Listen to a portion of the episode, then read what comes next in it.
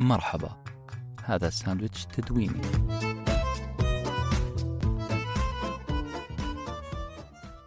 مساء الخير.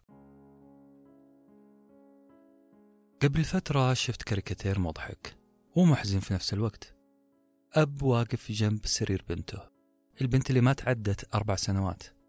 إصبعه على زر اللمبة وعلى وشك يطلع من الغرفة. وجه البنت غير مطمئن. بينما والدها وبملامح باردة يقول ما في وقت أقرأ لك قصة قبل النوم. راح أرسلها لك واتساب. أصدقائي واضحة المبالغة في هذا الكاريكاتير لكنه ما يخلو من بعض الحقيقة. إحنا في أزمة مع الوقت وموضوع أزمة الوقت هو لب حلقتنا اليوم. حياكم الله في حلقة جديدة من بودكاست تدويني. معكم أنس بن حسين نصا وصوتا وحديث قصير عنوانه. الساعة عدوي اللدود الكاتب الفرنسي دي توكفيل اخترع مفردة جميلة جدا. هي غريزة التسوق. غريزة التسوق وصفها بأنها الغريزة الأقوى على البشر في القرن العشرين.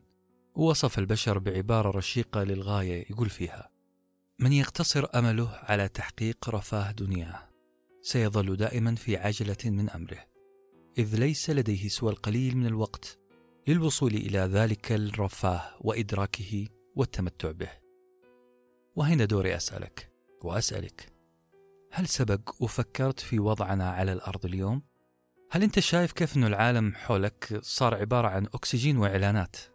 نعم أكسجين وإعلانات النزعة الاستهلاكية في عصرنا الحالي وصلت أعلى مستوياتها وما حد نجا من تأثيرها ولا مجتمع. إحنا ليش نستهلك بهذا الشكل المخيف؟ ببساطة لأننا وفي داخل أعماقنا حاسين بأنه الوقت محدود وأننا لازم نلحق ونستمتع بأكثر قدر ممكن من هذه المتع في الوقت المتاح لنا. كلام اليوم عن الوقت وعن السرعة في عمل الأشياء في هذا الوقت اللي نعتبره محدود جدا. إحنا بلا شك في سباق مع هذا الوقت في سباق عشان نلحق كل المشهيات في حياتنا. وأنا هنا ما ألوم إنسان هذا العصر لأنه الاهتمام بالوقت والشعور بمحدودية هذا الوقت قديم وما هو جديد. لكن في فرق بين زمان وبين الآن. زمان كان الوقت لا يزال عجينة في يدينا. الحضارات السومرية البابلية المصرية الصينية وحتى العربية اخترعت وسائل عشان تعرف الزمن الوقت السنوات والأيام. الساعة الرملية كانت وسيلة عظيمة لمعرفة الوقت وكذلك الساعة المائية والشمعية.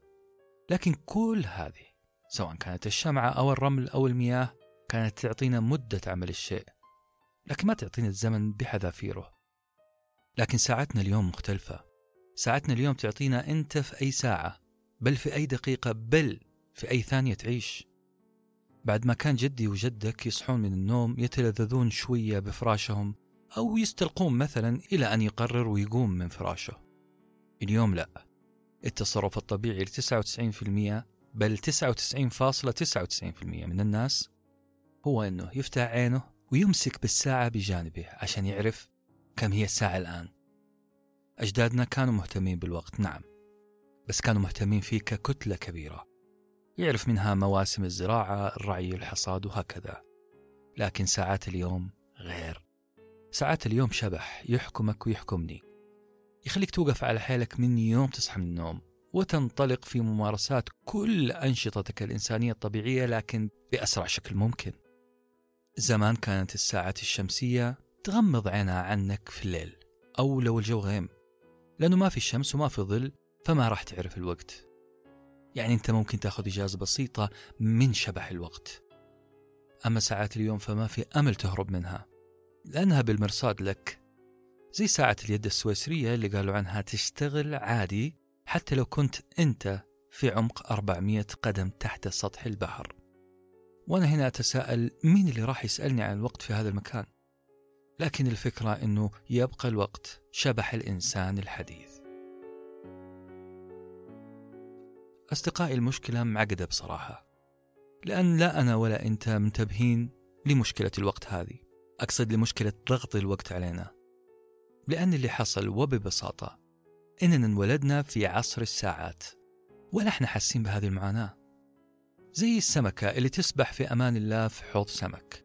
لو سألتها كيف وضع الموية معاكي راح تطالع فيك باستعجاب وتقول إيش قصدك بكلمة موية؟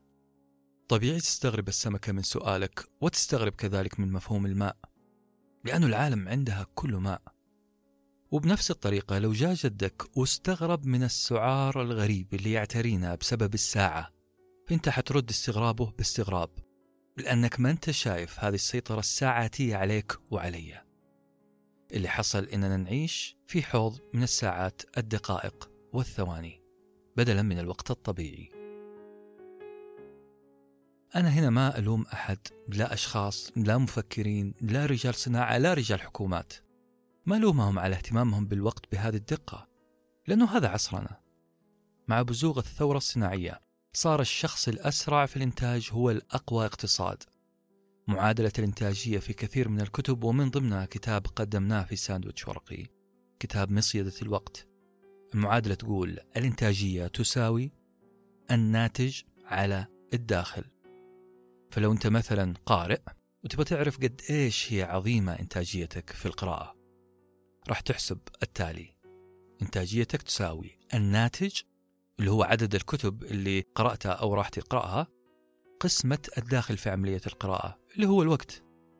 عشر كتب مثلا على عشر ساعات معناها إنتاجيتك واحد. طب خلينا نسرع شوية في القراءة ونقرأ عشر كتب في خمس ساعات.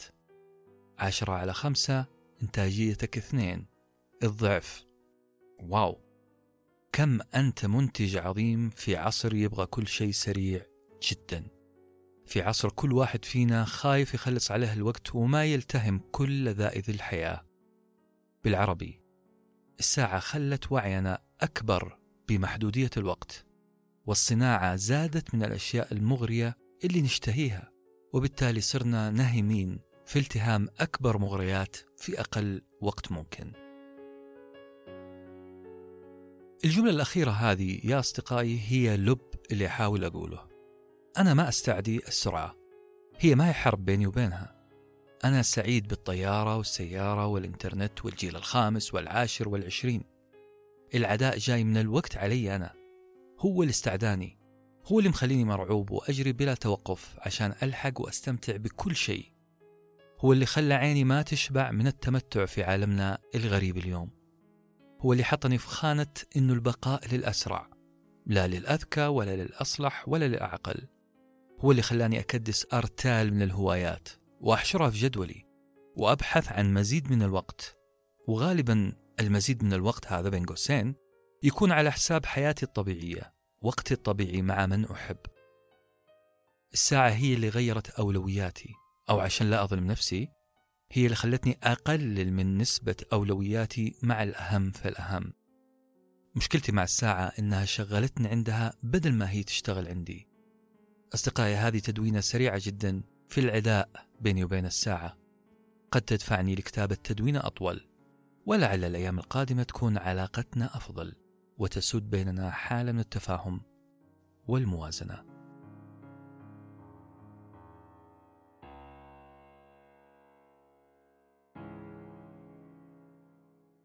كنتم مع ساندويتش تدويني وجبة معرفية نتشارك لذتها.